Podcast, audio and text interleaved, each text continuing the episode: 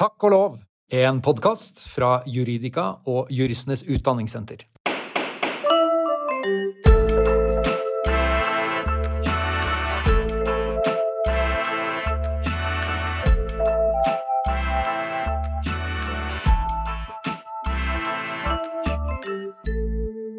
Hei og hjertelig velkommen til nok en episode av Takk og lov, hun er alene. I disse aleneepisodene av Takk og lov så uh, snakker jeg høyt med meg selv bare om et eller annet juridisk spørsmål som preger offentligheten om dagen. Og akkurat nå er det vanskelig å komme forbi det ytringsfrihetsmessig mest brennbare spørsmålet i Skandinavia, nemlig hva vi skal gjøre med koranbrenning. Og hva vi gjør, det varierer jo litt med hvilket land vi er i. I Norge har regjeringen vært veldig tydelig på at det ikke er aktuelt å forby koranbrenning. I Danmark er det lagt frem et konkret eh, forslag om eh, et forbud mot koranbrenning. I Sverige er dette mer uavklart. Det har vært diskutert om man kan eh, utvide ordensbestemmelsene til politiet, slik at de skal ha muligheten til å gripe inn overfor eh, handlinger eller ytringer som setter sikkerheten i fare, ikke bare på stedet, sånn som politiet allerede har muligheten til i dag, men også andre steder, f.eks. utenfor Sveriges grenser. Grunnen til at dette nå er blitt et såpass eh, brennende spørsmål, det er eh, for det første egentlig Nato-medlemskapet til Sverige, altså Sveriges søknad om å bli medlem i Nato. Uh, og for det andre, og sammenhengende med det, men egentlig uavhengig også, uh, Danmarks opplevelse av en uh, forverret sikkerhetssituasjon som følge av enkeltes reaksjoner på disse koranbrenningene, og ikke minst en ganske omfattende handelsboikott. Så det er altså utenrikspolitiske hendelser og påtrykk overfor en type ytring eller handling, jeg kommer tilbake til det, i våre land, som har funnet sted i lang tid men som uh, nå uh, det, blir, det fremstår som om man iallfall har et behov for å håndtere på en annen måte enn man har gjort frem til nå. Det er jo ikke det at uh, denne formen for ytring eller handling, altså den provoserende handlingen det iallfall er for mange, at noen brenner en koran. det er jo ikke det som Eh, som er situasjonen. Mange har jo reagert på dette også tidligere, og prøvd å imøtegå det på ulike måter, enten gjennom demonstrasjoner eller ved å markere og forklare avstand mot uh, denne formen for uh, krenkende opptreden. I den grad forbudet har vært diskutert, i alle fall her hjemme, så har det imidlertid stort sett hatt som utgangspunkt et ønske om å verne en utsatt minoritet mot det hat eh, og eller ytterligere stigma som følger av eh, en type handling eller ytring som oppleves svært krenkende for eh, den minoriteten. Det er altså ikke det som begrunner det danske forslaget mot koranbrenning nå. Det er rene sikkerhetspolitiske begrunnelser. Jeg kommer litt tilbake til det, men i begrunnelsen for det danske lovforslaget så fremgår det at den danske hatytringsparagrafen den eh, rammer den beskytter tilhengere av en bestemt religion, og ikke religionen i seg selv, på samme måte som vår paragraf 185, så den anses ikke å kunne brukes til å stanse koranbrenning.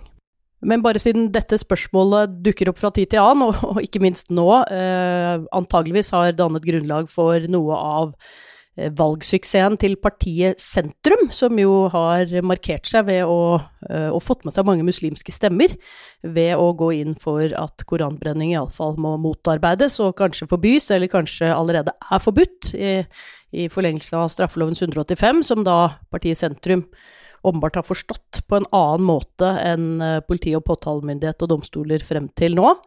Um, så bare ta en liten runde på hvorfor det er ganske klart at koranbrenning ikke rammes av den bestemmelsen i Norge. Og for å forklare det, så må vi tilbake til 2009, da vi opphevet det som vi hadde i straffeloven, men som ikke hadde vært håndhevet siden 1912, eh, nemlig et forbud mot blasfemi. Det hadde det vært en del runder frem og tilbake på å få opphevet, det kan jeg ta i en annen pod en gang. Men det som iallfall ble situasjonen da, det var at fordi man så at blasfemibestemmelsen jo kunne brukes nettopp til å hindre f.eks. koranbrenning eller andre typer veldig krenkende ytringer for de religiøse, så foreslo den rød-grønne regjeringen å videreføre en liten bit av blasfemi, blasfemivernet i den bestemmelsen som eh, beskytter mot hatytringer. Hatytringsbestemmelsen beskytter jo personer og ikke religioner, men man ønsket da å åpne opp lite grann for at den i noen grad så kunne den også beskytte religioner hvis det gikk Hvis krenkelse av selve religionen gikk veldig hardt utover de religiøse. Man hadde lyst til å øhm, lage en endring i paragraf 185, sånn at de groveste blasfemiske ytringene, som i sitt innhold var sterkt forhånende eller på annen måte krenkende, også kunne omfattes av bestemmelsen. Og grunnen til det var øh, at uh, den type blasfemiske ytringer kunne påvirke det klimaet som minoriteter møter i samfunnet, og oppleves som et angrep på minoritetsgruppen selv, og også minoritetsgrupper som har et særskilt behov for vern. Så egentlig en type begrunnelse og resonnement som ligner ganske mye på det eh, partiet Sentrum og en del andre har, eh, har fremholdt eh, i dag. Men det forslaget, det møtte massiv motstand i Stortinget. Eh, det var faktisk sånn at justisministeren måtte inn og beklage, eh, og det endte med at forslaget ikke bare ikke ble nedstemt, eller ble nedstemt, men det ble ikke fremlagt i det hele tatt. Så ut fra den lovhistorien så er det ganske klart at eh, den type blasfemiske ytringer som koranbrenning også er, uansett om det i tillegg rammer de religiøse, det rammes ikke av straffelovens paragraf 185 i Norge. At koranbrenning er en eh, ytring som er vernet av ytringsfriheten i Norge, er også lagt til grunn i en dom fra Borgarting. Uansett, det var kort om hvorfor koranbrenning ikke rammes av vår straffelovs paragraf 185, og som danskene da har eh, gått gjennom, heller ikke av deres eh, bestemmelse mot hatytringer. Det danskene isteden har foreslått, det er å putte dette nye forbudet inn i et forbud som allerede finnes mot flaggbrenning, eller skjending av fremmede staters flagg. Eh, det er en type forbud som tilsvarer vår gamle straffelovs paragraf 95.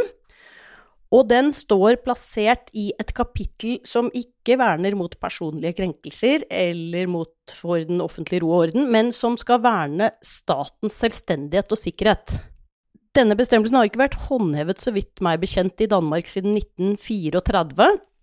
Men poenget med den, og, og, det var også poenget med den norske eh, tilsvarende bestemmelsen, det var jo nettopp å eh, verne mm, statens interesser mot, eh, mot krig eller angrep. Det er klart at uh, i alle fall tidligere så kunne det å uh, provosere andre stater ved å utsette deres flagg for den type skjending, det kunne provosere frem også voldelige angrep og handlinger.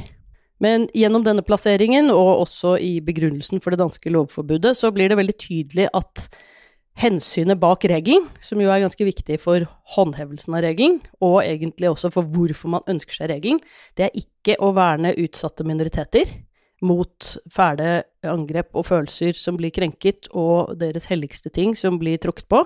Nei, det er å verne staten Danmark og dens interesser i utlandet.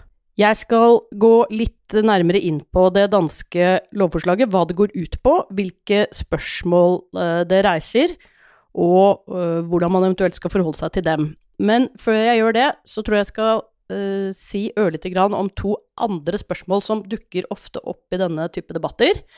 Uh, på helt generelt grunnlag, ikke bare knyttet til det nå uh, fremlagte danske lovforslaget, men, men, helt generelt når det gjelder koranbrenning eller bokbrenning. Og det ene er hvorfor i all verden skal vi tenke at uh, denne type handlinger, eller symbolske handlinger eller ytringer, er vernet av ytringsfriheten, når det egentlig er en handling? For vi skiller jo ganske klart mellom ytringer og handlinger.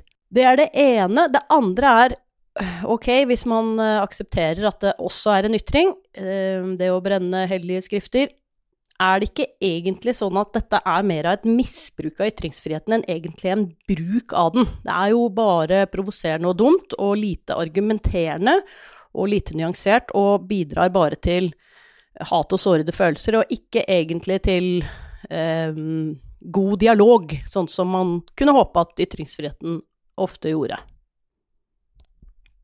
Eh, For å ta det første først, hvorfor vernes koranbrenning som en ytring når den egentlig er en handling? Ja, svaret på det er at den er jo begge deler. Iallfall stort sett.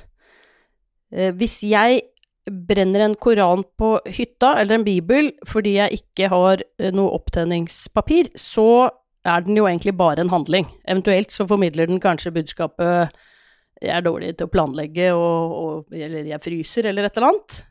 Men disse koranbrenningene eller bokbrenningene som skjer andre steder, de det gjør man jo ofte fordi man ønsker å formidle et eller annet meningsinnhold. Det er jo noe bokbrenning har eh, til felles med mange andre symbolske handlinger. Um, F.eks. å strekke en tommel i været, eller å strekke en langfinger i været, eller å brenne et flagg, eller å brenne en dukke. Det er jo nettopp at handlingen utføres primært for å formidle et meningsinnhold. Og det meningsinnholdet, det regnes som en ytring. Selv om det uttrykkes med en handling. Og hvis vi tenker oss litt om, så tror jeg egentlig det er ganske innlysende for de fleste. For hvis vi tenker på hva det er som gjør at vi reagerer på denne type brenning, så er det jo vår antakelse om hvilket meningsinnhold som kommuniseres. Det er jo det som provoserer oss. Hvis vi visste at det bare var fordi noen prøvde å holde seg varme på gata en veldig kald eh, vinterkveld, så ville vi jo ikke latt oss provosere av dette på samme måte i det hele tatt. Det er jo budskapet som forarger og sårer.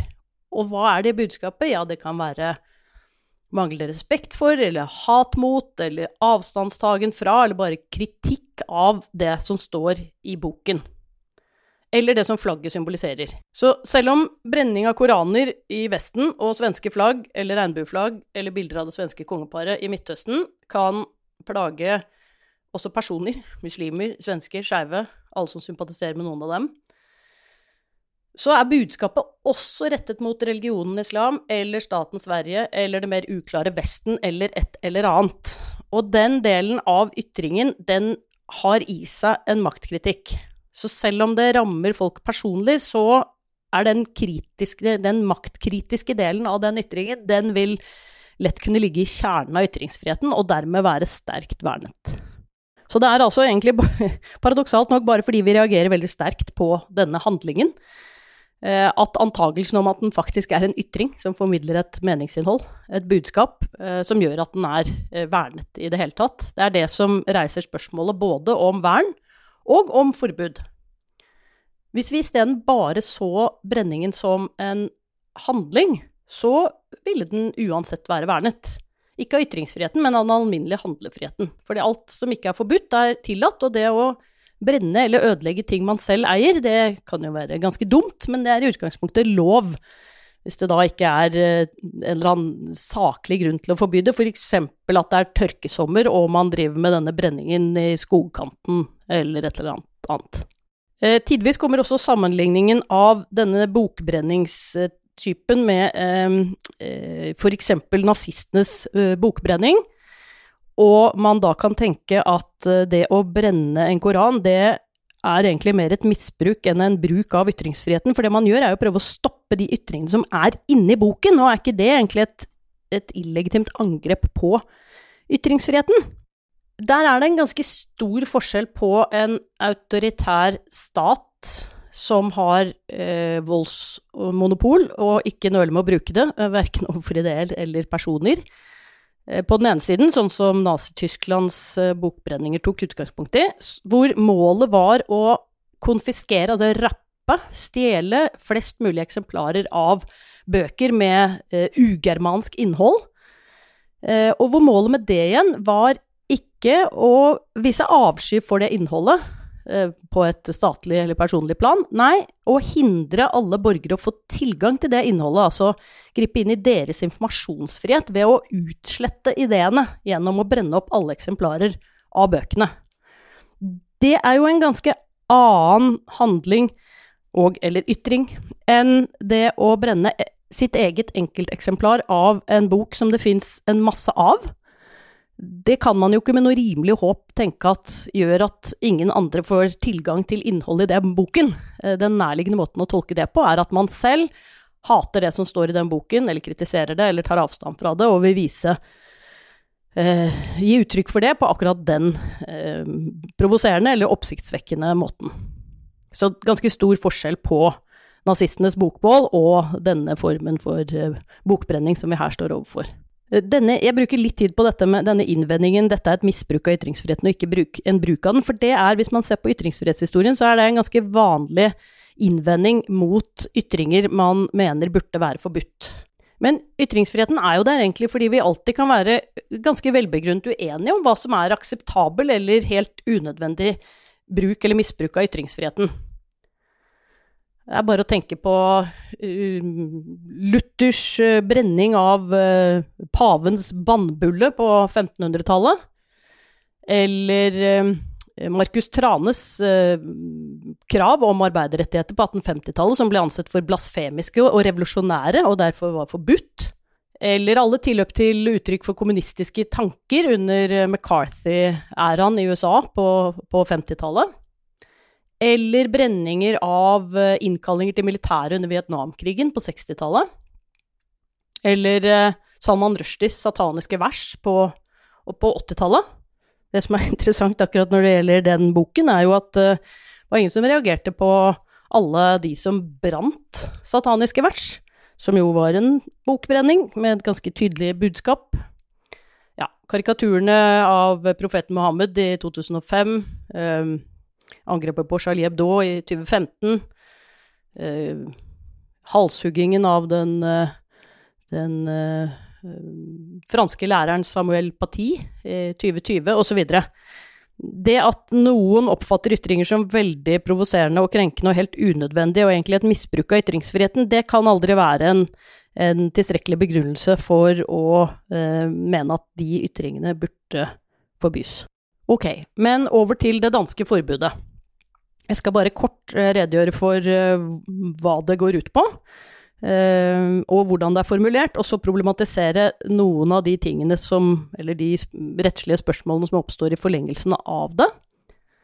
Og så skal jeg runde av med å anbefale et perspektiv på disse spørsmålene som ikke er i mitt fagfelt, ikke er juss, men som er uh, fremhevet av min uh, for så vidt juridiske kollega Cecilie Hellestveit, uh, men som egentlig tar for seg de mer realpolitiske og utenrikspolitiske spørsmålene som er viktige i forlengelsen av disse debattene vi nå har om koranbrenningsforbud her hjemme. Ok, jeg nevnte innledningsvis at dette mm, danske lovforslaget det er foreslått plassert eller inntatt i en, et kapittel i straffeloven som verner statens sikkerhet og interesser. Mer presist gjelder dette den danske straffelovens paragraf 110, og det er foreslått som et nytt annet ledd. Eh, resten av paragraf 110 eh, rammer bl.a. Eh, skjending av fremmede staters flagg. Som jeg også var inne på innledningsvis, så tydeliggjør dette at begrunnelsen for, eh, for forbudet, det er ikke å verne utsatte minoriteter i Danmark, men å verne staten eh, mot eh, angrep som det danske justisministeriet sier, hensett til at den foreslåtte bestemmelse navnlig ivaretager utenrikspolitiske og sikkerhetsmessige hensyn, bør den etter Justisministeriets oppfattelse plasseres i straffelovens tolvte kapittel om landsforræderi og andre forbrytelser mot statens selvstendighet og sikkerhet. Ok, og selve lovforbudet det lyder omtrent som følger at det settes straff for den der offentlig, eller med forsett til utbredelse i en videre krets, gjør seg skyldig i utilbørlig behandling av en gjenstand med vesentlig religiøs betydning for et trossamfunn, eller en gjenstand som fremstår som en sådan. Det første vi kan merke oss, det er at bestemmelsen er generelt utformet og omfatter i utgangspunktet alle religioner. Det er også en bestemmelse som tydeliggjør at det er nettopp budskapet eh, i ytringshandlingen koranbrenning man søker å motarbeide, eh, spredningen av. Fordi dette rammer bare skjending eller uh, uh, utilbørlig behandling av gjenstander på offentlig sted, eller hvor man har forsett om å utbre dem videre. Så det er jo det at folk får dem med seg. Så den oppfatningen av hva som skjer, og det budskapet man derved formidler, det er det man søker å ramme. Dette innebærer at, uh, selvfølgelig at offentlige uh, handlinger og brenninger av koraner eller andre ting, det rammes, men også dersom man gjør noe slikt hjemme på i sin egen hage, og man vet at noen filmer det, eller har mistanke om at noen filmer det, og at det kan bli spredd, og gjør det fremdeles. Det er videre, så er det Det er kun fysiske gjenstander som omfattes av dette forbudet. Det er altså en gjenstand med vesentlig religiøs betydning. Det tyder jo på at religionsforståelsen er ganske innrettet på en viss type religioner. Eh, ikke bare de store verdensreligionene, men også de som er knyttet til ting. Bøker, kors, eh, andre eh, gjenkjennelige gjenstander. Jeg er ikke noe religionsviter, så jeg aner ikke hvordan andre religioner har det med dette, men, men det forekommer at gjennom lovforslaget så blir det veldig tydelig at det er særlig religioner som på en eller annen måte har en tilknytning til et skrift som omfattes. Det som eksplisitt nevnes, det er nettopp religiøse skrifter. Bibelen, Toraen, Koranen og Vedaene som er gjengitt i lovforslaget. Så er det bare utilbørlig behandling som omfattes av bestemmelsen. Det er jo en type ja, hva skal vi si, rettslig standard, kanskje, eller en, en sånn, et ord som iallfall åpner for et ganske stort skjønnsrom for håndhevere. Det kan vi bare dvele ørlite grann ved, fordi i diskusjonen av blasfemilover mer generelt i verden, så er nettopp den type vage ord og uttrykk som gjør det mulig for makthavere å bruke lovbestemmelsene på den måten de selv finner best, det er ansett for å være et betydelig problem i forhold til ytringsfriheten. Det er jo alltid et problem at lover, og særlig straffelover, ikke er eh, tilstrekkelig klare og forutberegnelige. Men særlig på ytringsfrihetens område så vil den type uklarheter både kunne åpne for et betydelig maktmisbruk, men i tillegg skape en sånn nedkjølende effekt, fordi borgerne er usikre på hva det egentlig er som rammes av bestemmelsen. Fordelen i våre skandinaviske land er jo at uh, lovbestemmelser har en del forarbeider, og der fremgår det ofte i litt større detalj hva lovgiveren har ment uh, med den type uttrykk. Og det som nevnes i lovforslaget i Danmark, det er avbrenning, tilsøling, og at det f.eks. trampes på eller sparkes til gjenstanden, eller at gjenstanden ødelegges ved f.eks. å rive i den, klippe heri eller lignende. Så noen eksempler på hva som omfattes, og også noen eksempler på hva som ikke omfattes, nemlig handlinger som ikke kan anses for å være utilbørlige. Ja, det hørtes jo rett tautologisk ut, kanskje, men um, det vil altså ikke være i strid med bestemmelsen, står det, å skille seg av med en bibel i en offentlig skrallespann, altså det å kaste en bibel i en offentlig søppeldunk, med mindre det skjer på en måte der i seg selv må anses for nedsettende eller forhånende. Så ordinær kasting av bibler i søpla eh, er lov. Eh, veldig provoserende kasting, kanskje hard eller sint kasting av bibler i søpla, antageligvis rammes av forbudet. Ok, det er nok mulig å, å, klare å tenke seg sånn noenlunde frem til hva som kan omfattes av utilbørlig og ikke utilbørlig, men um, det som er verre, det er at det fremgår veldig tydelig av forarbeidene at uh, bestemmelsen også vil finne anvendelse hvis selv om den utilbørlige behandlingen finner sted i f.eks. kunstnerisk eller politisk øyemed. Så da er vi jo i kjernen av ytringsfrihetsvernet, egentlig.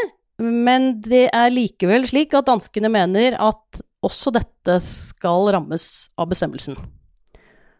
Og sett hen til hensynet bak regelen, så er jo ikke det så rart. Det spiller vel ikke så mye rolle for Mm, sinte militser eller innenrikspolitiske interesser i Midtøsten om koraner brennes av uh, paludaner eller sianer, eller om den brennes av uh, irakiske flyktninger eller andre som uh, lager et kunstverk av det de gjør. Eksempel den dansk-iranske Forose Basraf Khan, som utsatte Koranen for like mange piskeslag som homofile risikerer i land der Koranen er ukrenkelig, eller også har eh, revet Koranen på et rivjern i kunstverket eh, blasfemi, altså blasfemi, en type ytringer som straffer med dødsstraff i flere av de landene som nå krever at Danmark lager sin lov. Også denne type ytringer eh, vil jo kunne skape den samme type sikkerhetstrusler i utlandet, og dermed gir det god mening at det danske forbudet også rammer dem. Men fra et ytringsfrihetsperspektiv så reiser denne delen av lovforslaget svært store problemer. For nå er man i kjernen av det ytringsfriheten verner, slik vi i våre demokratiske rettsstater er vant til å tenke om den. Og straks man åpner for at kunstneriske ytringer rammes, så kan man jo bare begynne å telle på fingrene hvor mange typer ytringer som antageligvis vil kunne rammes eh, av eh, dette forbudet.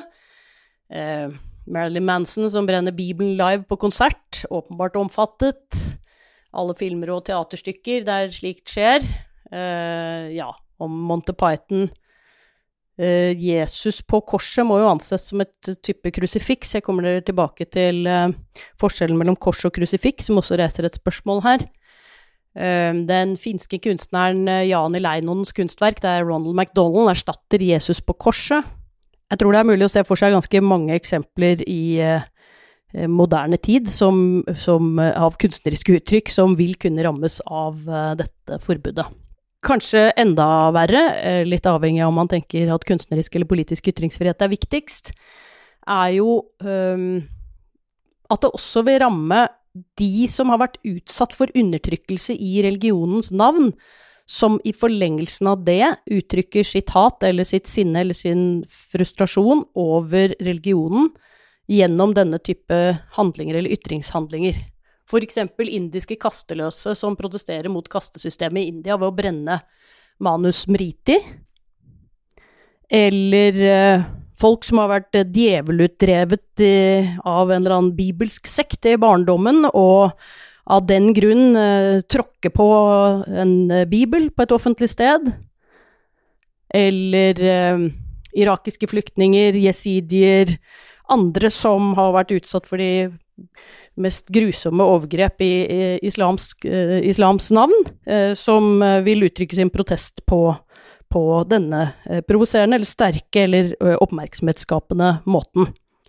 I en eh, i, den type ytringsbegrensninger som vanligvis finnes i våre vestlige demokratier, så vil jo denne type problemstillinger kunne løses ved at man foretar mer av en avveining mellom de kryssende rettighetene, der eh, ytrerens intensjon kan ha betydning for hvordan handlingen eller ytringen bedømmes rettslig sett.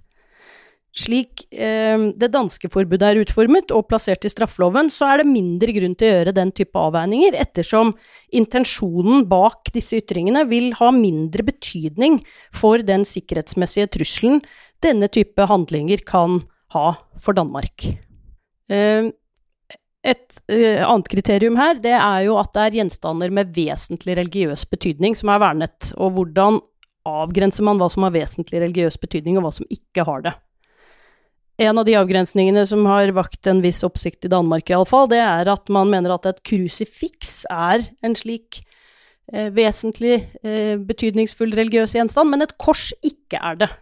Um, av de tingene som er nevnt som ikke rammes, som ikke er, eh, har vesentlig religiøs betydning, det er um, type klesplagg og andre ting, f.eks. hijab, kalotter eller andre plagg.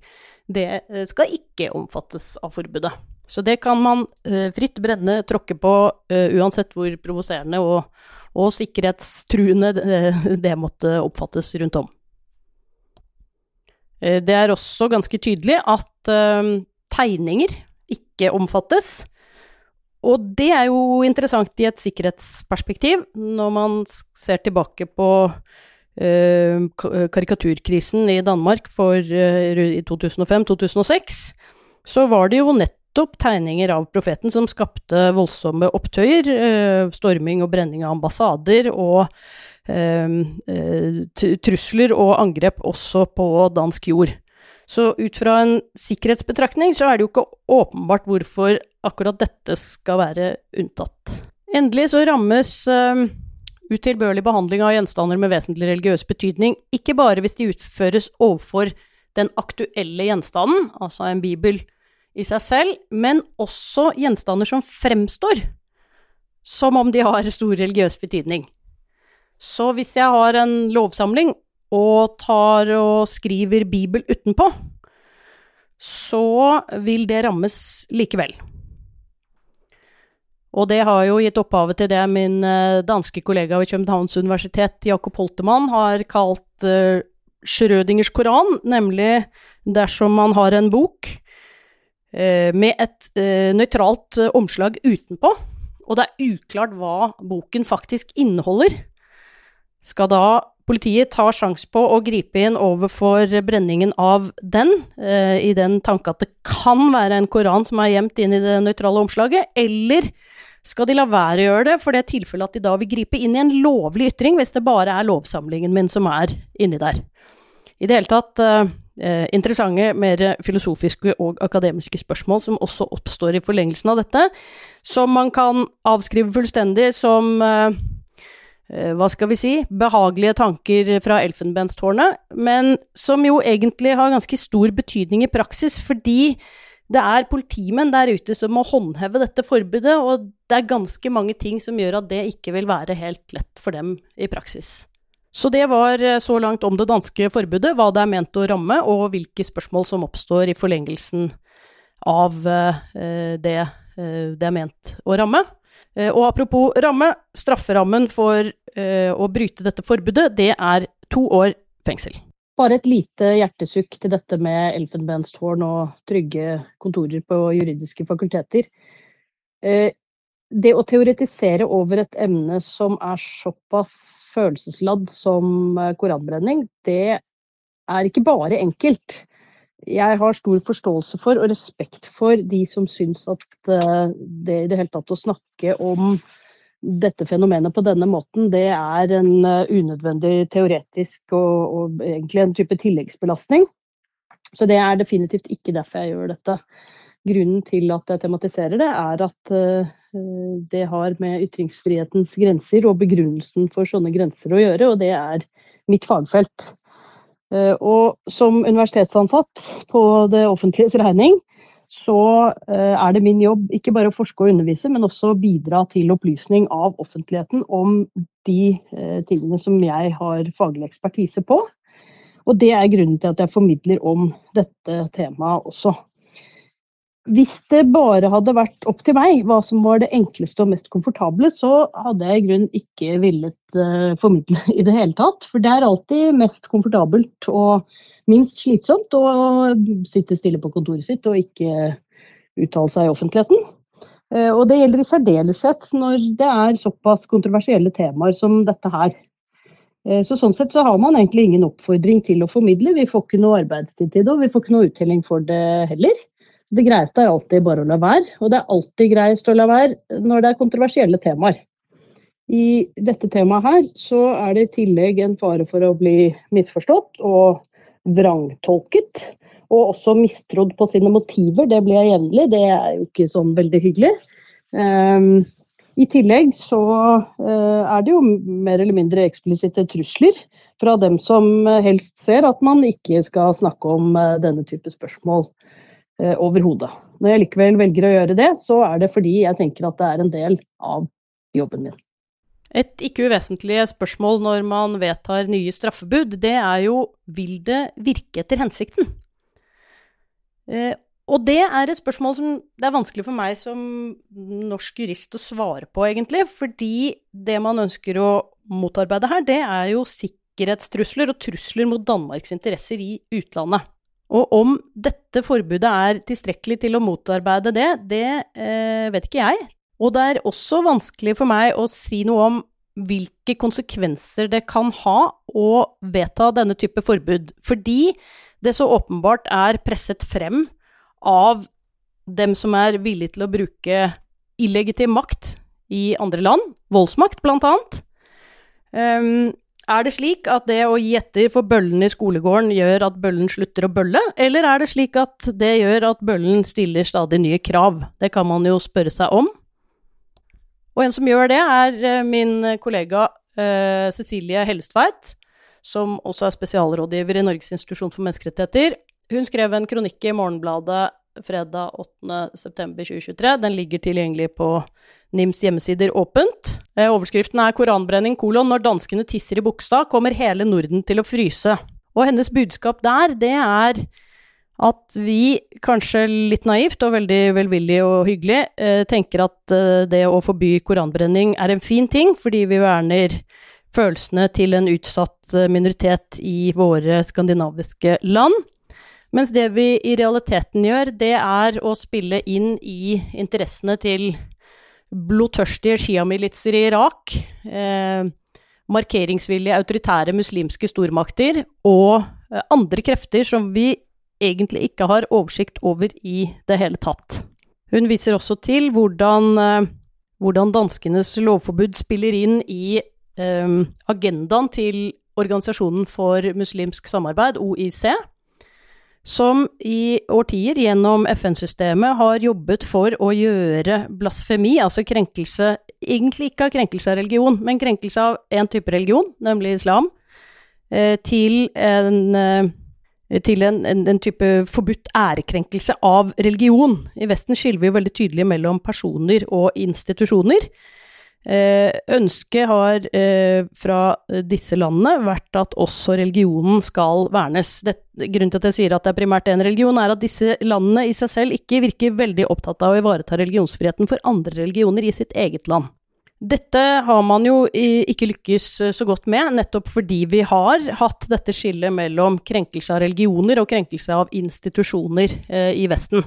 I den senere tid har OEC imidlertid omformulert sine krav eh, fra å dreie seg om vern mot eh, en krenkelse av en religion, til å dreie seg om vern mot krenkelse av religiøse følelser. Og da er man mer på den vestlige hjemmebanen, nemlig eh, noe som er rettet mot enkeltindividene. Det å forby ytringer som kan skade enkeltindivider, ha, har vi en mye større åpning for i Vesten. Men det som i realiteten skjer, er jo at man argumenterer med enkeltindividers følelser, ut fra det som antageligvis er den samme agendaen, nemlig å verne selve religionen. De nærmere detaljene i denne, dette utenrikspolitiske spillet, eh, som også eh, ligger bak eh, danskenes eh, foreslåtte forbud, er godt beskrevet av Cecilie Helstveit i denne kronikken, som jeg kommer til å lenke til i episodebeskrivelsen her, og som jeg anbefaler alle å lese. Jeg kan uansett gjøre hennes eh, avsluttende ord i den kronikken til mine avsluttende ord her. Og det er Sitat, våre friheter blir ikke beskyttet av å innskrenkes. De dør. Sitat slutt. Så det var det jeg hadde på hjertet og i hodet eh, i denne episoden her. Tusen takk for at du som lytter ville være med meg eh, gjennom også den. Eh, og vi høres igjen i eh, neste uke til nok en episode av Takk og lov, da med en ny gjest. Takk for nå! Da er det tid for litt reklame. For det du nå, eh, takk og lov, har brukt litt av tiden din på, det er å høre på en podkast som jeg får lov å lage sammen med Juridika og Juristenes Utdanningssenter. Med oss på laget så har jo vi noen av de klokeste hodene i jussens verden, og de hjelper deg med å holde deg faglig oppdatert til enhver tid, og takk og lov for dem!